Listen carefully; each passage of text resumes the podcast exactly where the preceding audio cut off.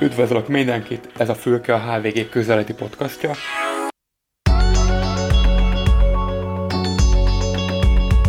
Én Tóth Richard vagyok, vendégem pedig Valuk Tibur történész, az Eszterházi Károly Egyetem professzora és az MTA Társadalomtudományi Kutatóközpontjához tartozó Politikatudományi Intézet tudományos tanácsadója. Tanár úr, köszönöm szépen, hogy itt van velünk. Jó napot kívánok, köszönöm szépen a meghívást. Most jelent meg a Mindennapi Történeteink című társadalomtörténeti tanulmánykötete. Ebben 15 tanulmány dolgozza fel többek között a nemzeti azonosságtudat második világháború utáni változásait,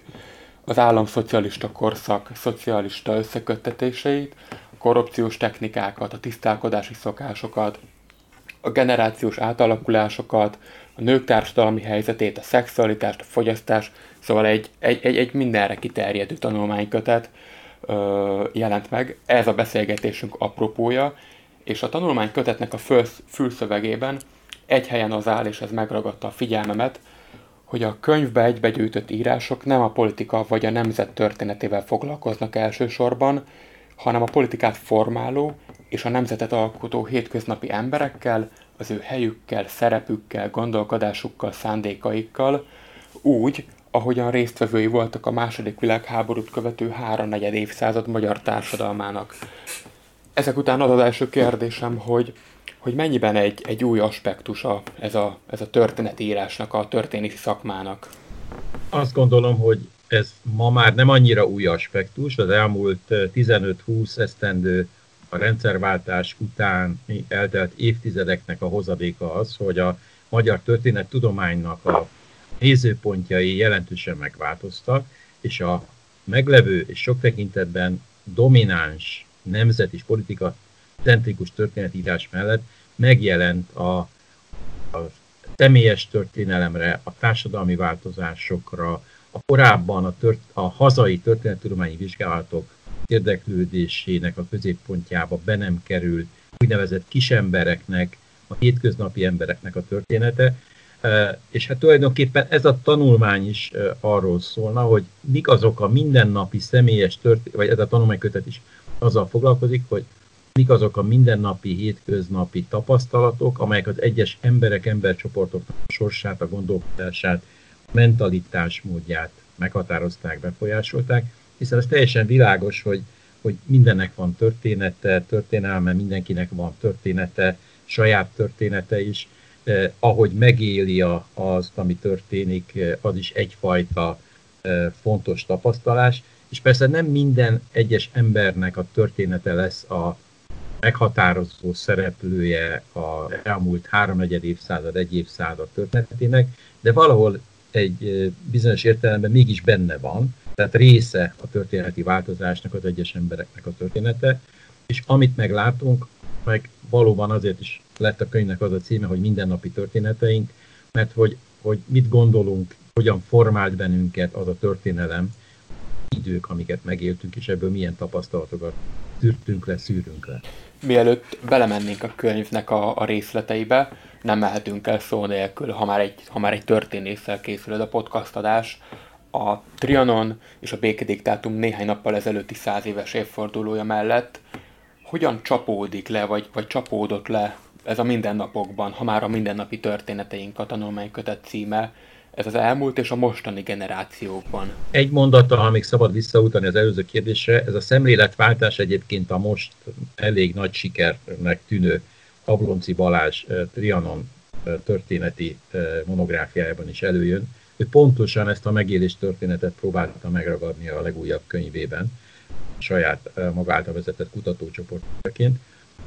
Én azt gondolom, hogy ez egy nagyon fontos tapasztalat, és nyilvánvalóan nem kerülhető meg az elmúlt száz év magyar történelmének a változásának, változásának a megértése során, az értelmezés során, hiszen rögtön, ha csak arra gondolunk, hogy a, az első világháborút követő években körülbelül 400 ezer ember menekült el az, a trianoni országhatárokon kívül került területre, akkor ez, ez már önmagában egy nem lebecsülhető lélekszám, ez körülbelül a korabeli Magyarország lakosságának 1920-as létszámnak a, az 5%-a volt. Ezek az emberek hoztak magukkal egyfajta gondolkodásmódot, mentalitást, nagyon sokáig sokan kiszolgáltatott helyzetben éltek,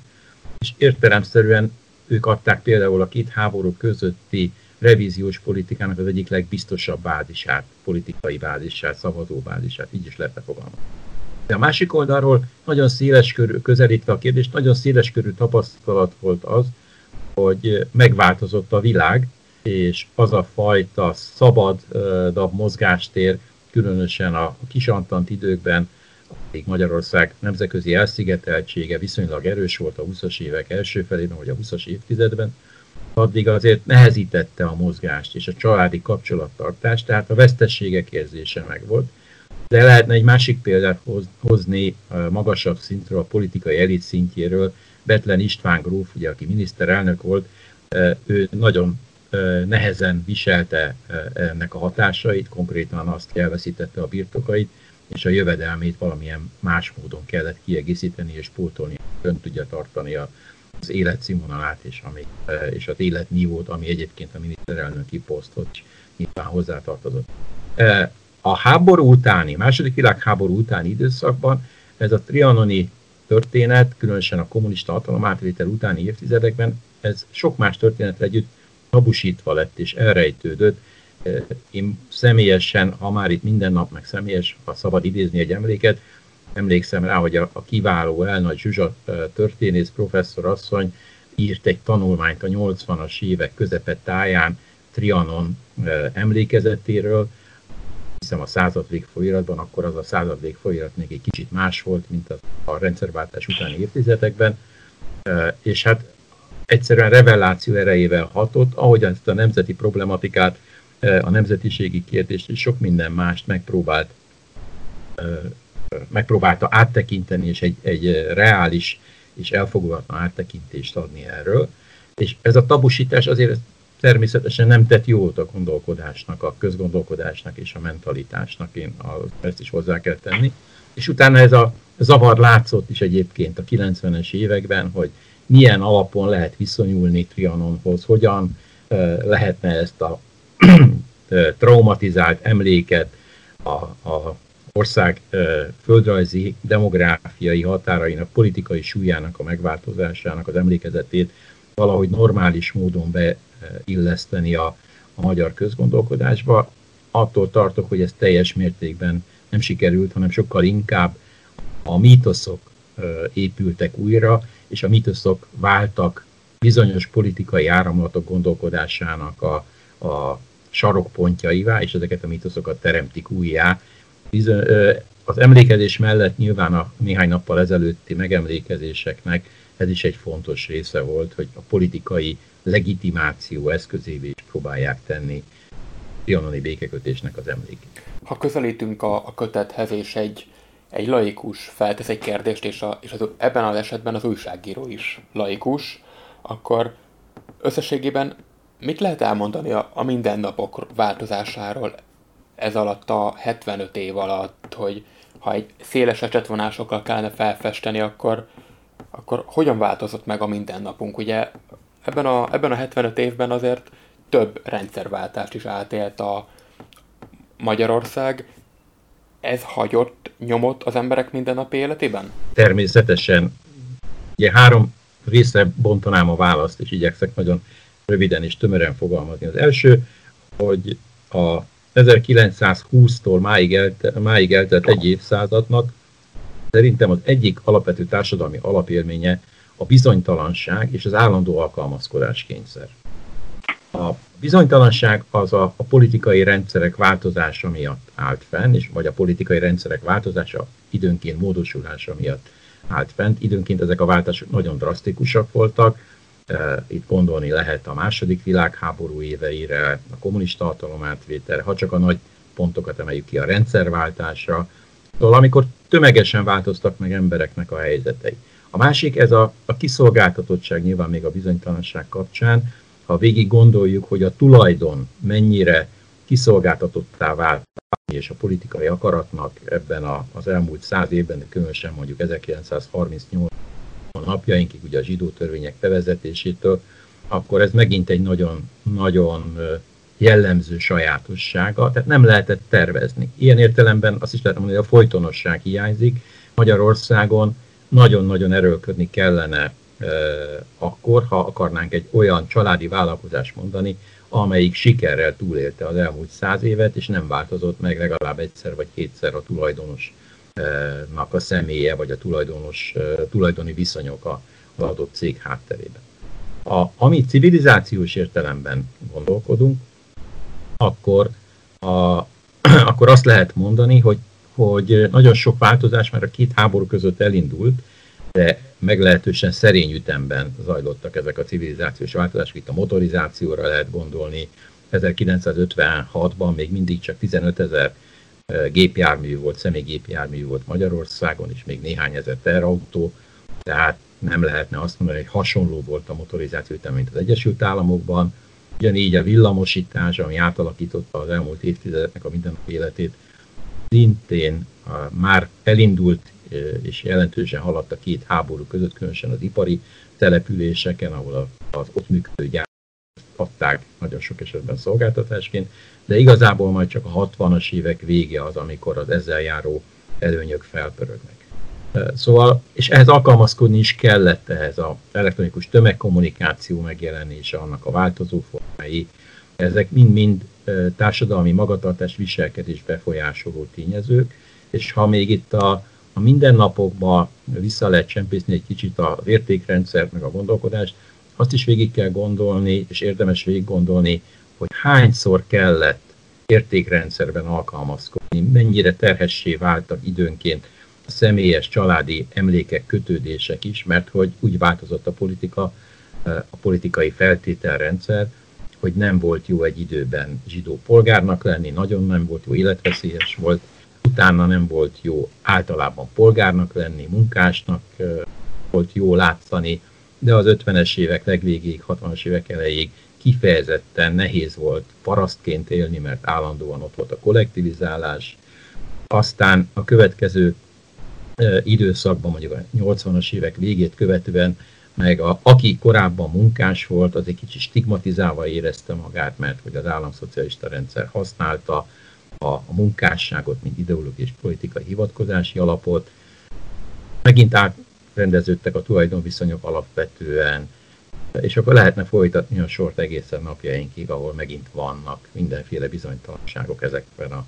vonatkozásokban is. És ez nyilván egyfajta óvatos politikai értelemben, a politikai magatartás tekintve egyfajta tartózkodó megfigyelői magatartásnak a kialakítását sok tekintetben ösztönözte és fönn is tartotta. Ami adott esetben ma is jellemző még a ránk, mint magyarokra.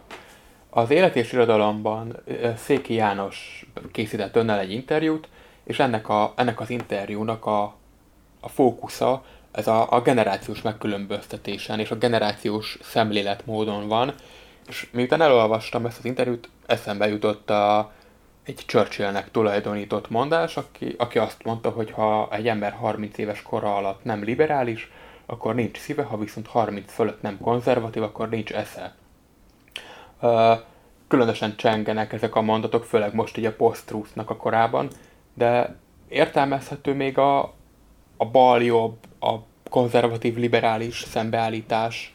akkor, hogyha egy történész a, a generációs megközelítésen keresztül közelít egy, egy témának a feldolgozásához? Nyilvánvalóan értelmezhető. Itt, ha szabadna egy nagyon rövid történetet megemlíteni, bele kell gondolni abba, hogy valaki eh, az 1920-as évek Magyarországán fölcseperedik, és eh, úgy hozza az élete, hogy ő inkább egy liberális, demokrata gondolkodású, akkor neki meg kellett élnie azt, hogy ha esetleg volt valamilyen kötődése a családban, zsidó, a magyar zsidósághoz való kötődése, akkor emiatt stigmatizálták, utána meg kellett élnie, hogy ő polgár volt. Az is megtörténhetett, hogy a polgárságból való szabadulás igyekezetében beállt kommunistának, és ugyanennek az embernek az életpályáján megvolt még mondjuk 71 néhány évesen megadhatott az, hogy ő megérje a rendszerváltást, amikor meg átment harcos antikommunistának. És azt gondolom, hogy tulajdonképpen ez az állandó változás dinamika is jelzi a, a dolgoknak és az életnek, a, a mindennapi életnek és a mindennapi történeteknek a nehézségét Magyarországon. A visszatérve az eredeti kérdéshez, bizonyos értelemben azt kell mondani, hogy, hogy nincs ilyen klasszikus bal és jobboldali szembenállás Magyarországon, illetve a hagyományos értelemben vett bal és jobb oldal nagyon sok tekintetben változott. Egyrészt a bal oldalról azt lehet látni, hogy kiüresedett, és ez a kiüresedési folyamat már a második világháború előtt is érzékelhető volt, hiszen a, az én egyik mostanában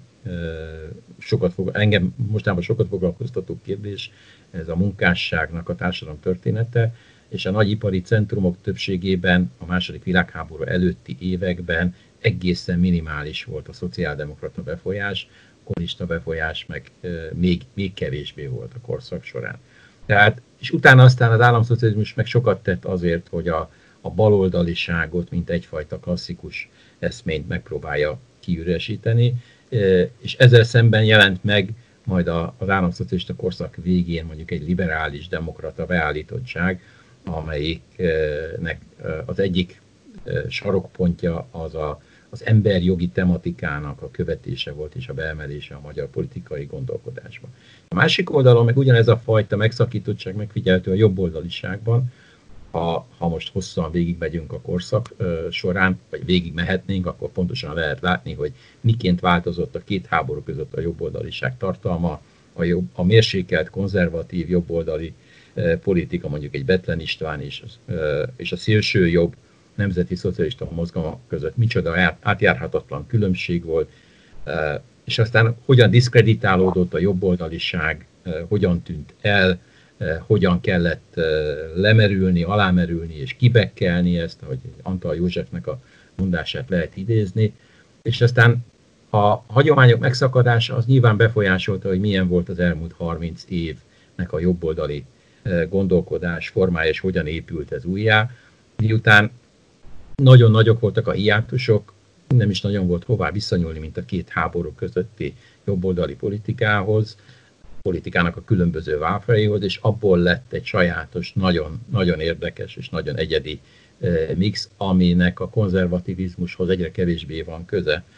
és inkább a, a két háború közötti szélsőjobbhoz közelítő gondolkodásmódnak az elemeit hozza elő. Azért is különösen érdekes olvasni ezt a tanulmánykötetet, amellett, hogy ugye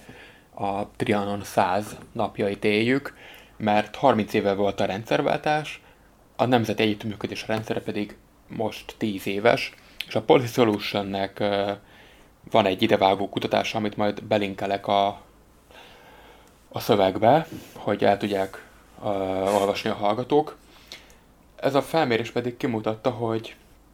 még a Fidesz szavazók közül is minden harmadik Kádár Jánost választaná inkább Orbán Viktor helyett. Történészként mivel magyarázza ezt? Azt gondolom, hogy ha megint egy kicsit a, a hosszabb időtávban gondolkodunk, akkor azért lehet látni azt, hogy Gyarmati György kollégám elemezte részletesen egy tanulmányába, hogy 1920-tól 2010-ig vizsgálta, Magyarországon a leghosszabb nyugalmas periódus, amikor nem voltak válságok és nem voltak drasztikus átalakulások, az nagyjából a 60-as évek eleje, a kollektivizálás lezárulása és a, a nagy amnestia, az 56-osok döntő többségének a szabadon bocsájtása, és a 70-es évek vége között volt Magyarországon. Tehát ez volt a leghosszabb békés periódus, amikor lehetett gyarapodni, és lehetett egy kicsit normalizálni az életfeltéteket, még akkor is, hogyha ez nagyon sok erőfeszítésbe került. Itt ugye valaki ellenvethetné, hogy hát a két háború között is volt azért 18 eh, év, vagy 19 év. Igen, de hát abban azért benne volt a beteni konszolidáció, Trianon utáni eh, fél évtizedbe beletellett, amíg az ország gazdasági keretei működőképessé váltak, és meg lehetett fékezni a hatalmas méretű inflációt, és benne volt a gazdasági világválság. Tehát akárhogy is nézzük, nincs másik ilyen 15 év. A 90 utáni periódusnál ott pedig nyilván az egymásnak feszülő politikai akaratok azok, amelyek ezt a fajta nyugalmat, vagy relatív hosszú nyugalmas építkezési időszakot azért azért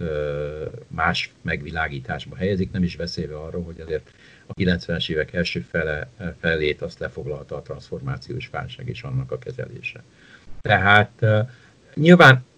ez, a, ez azt gondolom, hogy ez az egyik lehetséges magyarázata, mert hogy volt egyfajta megélhető jövőkép sokak számára akkor, és volt egyfajta elérhetőnek tűnő biztonság, még ha alacsony szintűnek is tűnik, és ebbe bele lehet illeszkedni, és lehet ebben látni egyfajta államférfiúi nagyságot is akár, az emlékezők egy részeiben biztos, hogy van ilyen, hogyha ilyen válaszokat adtak. Az, hogy ez valóságos államférfiúi nagyság volt, vagy egy reálpolitikusnak a konszolidációra való törekvése, az nyilvánvalóan egy, már egy másik kérdés, én inkább az utóbbira hajlanék, hogyha az összes történelmi tényt meg kellene ítélni. Tehát valószínű, hogy emiatt is van, meg nyilván az emlékezet egy picit szépít, elfedi annak a 89 előtti három és fél évtizednek, szűk három és fél évtizednek a, a maga mindennapi valóságát, a társadalmi egyenlőtlenségeket, amik akkor is léteztek, a mély szegényeket és a, a nagyon gazdag milliómosokat, akik a 80-as évek végétől kezdtek igazából láthatóvá válni a közvélemény számára. Szóval valószínű ez lehet ennek a, az oka. Azért kilépve az újságírói szerepemből politológusként kikívánkozik belőlem az, hogy, hogy ehhez hozzá kell tenni azt is, hogy a Fidesz szavazótábor azért rohamosan öregszik, és visszaugorva az újságírói szerepbe meg kell kérdeznem, hogy akkor az elmúlt 75-100 évből az egyetlen nyugodt periódus, akkor Kádár János 15 éve? Hát mindenféle GDP adat, jövedelemadat ezt mutatta, tehát a 60-as évek közepétől az 1970-es évek végéig átlagosan például olyan 5% körül reálbér növekedés volt. Ezt mondjuk az elmúlt 10 évben sem lehet ilyen értelemben és ilyen hosszúságban látni, hiszen azért a 2010 utáni 3-4 esztendő azért nem jellemezhető dinamikus GDP növekedéssel, vagy reálbér növekedéssel. A 15-16 utáni időszakban ez már nyilván másként volt, tehát, de itt ez már megint egy messzire vívő kérdés. A, a konszolidáció például a 20-as években sikeres volt, és nem járt retteltes belső politikai feszültségekkel és konfliktusokkal. A numerus clausus törvény az abban a kori, annak a kornak a politikai konstrukciójában valamennyire belefért, és, és talán kevésbé volt konfliktus, a 20-as évek végére kevésbé is vették szigorúan és komolyan, mint a bevezetés időszakában. Tehát, hogy nem voltak olyan belső konfliktusok. Nagyon nehéz, most lehet, hogy megcsal az emlékezetem, meg a tudásom, de igazából tényleg ez volt az az időszak, amikor az erőszak enyhült Magyarországon, a mindennapokból kikerült, a mindennapi politikából a, a fizikai erőszak alkalmazása, és persze 90 után sem volt ilyen, ez, tehát mielőtt bárki azt mondaná, hogy agyalágyultságokat emlegetek itt a beszélgetésben, de hogy ott is voltak olyan fajta változási kényszerek és helyzetek, a, amelyek az embereknek az életében komoly kihívásosokat jelentettek, és drasztikusan megváltoztatták a társadalmi pozícióját nagyon sokaknak, nem csak fölfelé, hanem lefelé, tehát ennek a válságnak és az átmenetnek azért nagyon komoly ára volt. 2008 után, vagy a 2008-as időszak után megint dinamikusabb volt a politika is, a gazdaságban a pénzügyi válság hatásai, tehát nagyon nehéz, nem nagyon, most próbáltam választ adni a kérdésére, hogy lehet-e így 15 évet nagyjából egybe összerakni. Kételkedem benne, hogy emellett valóban van-e így egyben 15 év ebben a 100 évben, amikor viszonylag nyugodtan a viszonyok Magyarországon. Említette korábban a munkásságot, ugye, meg a, meg a munkásosztályt. A, az államszocialista időszakban ugye nem nehéz annak a, annak a feladatnak a, a megoldása, hogy akkor a, a munkásosztályra rámutatni, hiszen, hiszen az államszocialista MSZNP ö,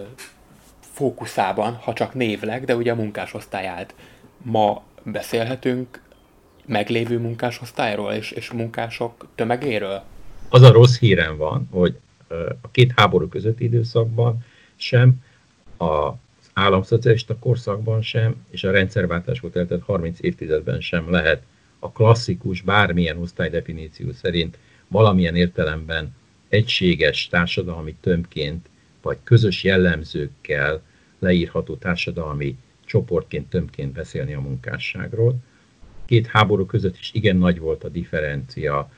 mondjuk például a több generációs, negyedik generációs munkás családból származó képzett vagy félig képzett munkások és a csereszabatos, napszámos munkások, segédmunkások között életkörülményben, gondolkodásban, politikai jogokban, választóképességben, sok mindenben.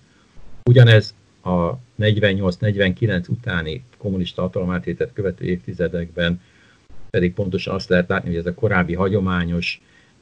törzsökösnek tekinthető munkásság, vagy tradicionális munkásság, talán ez a helyesebb kifejezés, ez egyszerűen azt éli meg, hogy tömegesen hozzák be a parasztból lett munkásokat, akik ugye a kollektivizálás elől menekülnek, akiknek más a munkakultúrája, más az értékrendszere, a gondolkodásmódja, nem élték meg a korábbi évtizedek szocializációjában a modern gyári munkás létet, hiszen azért arra nem szabad elfeledkezni, hogy a két háború között azért a magyar ipari termelés mechanizmusa is, működése is jelentősen modernizálódott, nincsenek meg azok a kapcsolataik, idegenként kerülnek be kialakuló közösségekbe, és ők lesznek egyre többen, hiszen több mint egy millió aktív kereső, mezőgazdasági aktív kereső lett ipari kereső 1950 és 70 között. És aztán utána azt is lehet látni, hogy a 80-as évek első felében már újra termelődnek ezek az egykori első generációs parasztból lett munkásoknak a gyermekei révén a második generációba lépnek tovább, de miután nekik nem volt többnyire szakképesítésük és nem volt szaktudásuk, ezért inkább a képzetlen munkaerő, a segédmunkások táborában öröklődnek át ezek a társadalmi pozíciók. 90 után pedig egyszerűen a Magyarországon egy, egybecsúszott és párhuzamosan zajlott a, a piaci átmenet, a deindustrializáció, az államszocializmus megkésett iparosítása által létrehozott gazdaságosan nem, vagy csak nagyon nehezen üzemeltethető ipari kapacitások leépülése, és egy posztindustrializációs folyamat. Ebben egyrészt a hagyományos ipari munkások jelentős része elvesztette a munkáját, nagy részük tartósan munkanélkülivé vált, vagy menekült, eh, nyugdíjba menekült, és úgy próbálta meg átvészelni, a kisebbik része az alkalmazkodott, átképezték, és a szakképzett munkaerőt pedig megtalálták az ideérkező külföldi befektetők és multinacionális cégek, és hát megjelent egy újfajta munkáscsoport, amit én úgy neveznék el, hogy technomunkások, eh, hiszen olyan típusú fizikai munkát végeznek, amihez többlet tudásra van szükség, informatikai, kommunikációtechnikai tudásokra, és a kettő együtt adja meg az ő munkájuknak az értékét, tehát már nem csak a fizikai munkáról van szó, vagy hát beszélhetnénk, és jól láthatóak szabad szemmel is a különbségek, amennyire ez persze egy történeti szociológiai vizsgálatban lehet mondani. Mondjuk a, a, a világszerte ismert nagy koncernek magyarországi telephelyén dolgozó gyárak, a Mercedes-Benz, vagy az Audi Hungáriánál dolgozó munkások, és a kis és középvállalatoknál dolgozó magyar munkások között jövedelemben, életszínvonalban, szervezettségben, részvételi hajlandóságban, mármint közéleti és érdekképviseleti küzdelmekben való részvételi hajlandóságban. Úgyhogy nagyon röviden így lehetne összefoglalni, hogy nincs. A rövid válasz ez, a hosszú meg az előző volt. A beszélgetés végén egy könnyedebb téma. Említettem a felvezetőben, hogy a tisztálkodásról és a szexualitás kérdését is megvizsgálja a mindennapi történeteinkben. Arra kérem, hogy, hogy bármi érdekességet ezzel a két témával kapcsolatban, hogy egy kis kett csináló ugyanánt, ha el lehet mondani erről a 75 évről, akkor azt szívesen vennénk. Hát az, az egyik, ami közös mind a kettőben, a tisztálkodásban és a szexuális magatartásban, az, az a mentalitás változás. Tehát a férfi és a női szerepeknek az átalakulása, az emancipálódás az mindenképpen fontos, és ahogy a mindennapi gondolkodásmódot és cselekvésmódot befolyásolta a tisztálkodás igényének a, a napi rendszerességűvé válása, mármint a teljes test megtisztításának a, a napi rendszeressége, hiszen mosakodni az emberek mosakodtak 80 évvel ezelőtt is, a nehézséget az okozta, hogy nem volt fürdőszoba. A másik, hogy mind a kettő höz köthető a test tabusítása, vagy tabuként való kezelése, csak bele kell gondolni abban, hogy milyen volt a női ruháknak a hossza, a két háború közötti időszakban azért illendően térd alattinak kellett lenni, a 70-es években Udas Matyi meg pedig azon értfelődött, hogy eh, mennyivel rövidül egy év alatt a miniszoknyának a hossza. Eh, és hát ebben benne van nyilván a, a, a férfiak és a nők egymáshoz való viszonyának az átalakulása, a szabadabbá válás, a testi érintkezésnek a kevésbé tabusítása, amiben biztosan nagy szerepe volt a, a televíziózásnak, a tömegkommunikációnak, hiszen mondjuk még 60 évvel ezelőtt, vagy 50 évvel ezelőtt a moziba is fölirat karikákkal látták el a filmeket, hogy 14 éven aluljaknak nem ajánlott 16-18, tehát volt erre törekvés, de lehetne más mondani, hogy az ápolt test az reklámhordozóvá is vált, elsősorban a női test, a csinos női test vált reklámhordozóvá a 70-es évektől, ahogy újjáépült Magyarországon a reklám, és hát egyre, kev, egyre szabadabban lehetett beszélni a, a, a nemek közötti kapcsolatról, aminek persze volt egy csomó elrejtett vonatkozása, hiszen Magyarországon betiltották a nyilvános házakat az 50-es évek közepén, de mindenki tudta, hogy prostitúció ettől van, és mindenki tudta, hogy hol milyen különböző szintjei vannak ennek. És hát a, a fiatalok, a koedukáció az egyetlen utolsó gondolat talán, azért 80 évvel ezelőtt még a, az iskolában a fiúk és a lányok nem koedukált osztályokban jártak, még a 60-as években sem, azért volt nagyon fontos a, a korszakról szóló filmekben a tánciskola, mert ott lehetett találkozni. Utána pedig általánossá vált a koedukáció, eltűnik a, a paraszti családoknak a hagyományos mentalitása, a párkapcsolati felfogás kapcsán. Szóval nagyon sok olyan kérdés van, amin, amin lehetne még nagyon sokáig gondolkodni, és lehetne róla érdekes dolgokat mondani. Remélem, hogy sikerült néhány dologról. Mindenképpen Valak Tibor történésznek köszönöm szépen, hogy a rendelkezésünkre állt. Most jelent meg Mindennapi Történeteink című társadalmi történeti tanulmánykötete. Erről beszélgettünk a főkémet tanár úr. Köszönöm szépen. Köszönöm szépen a meghívást.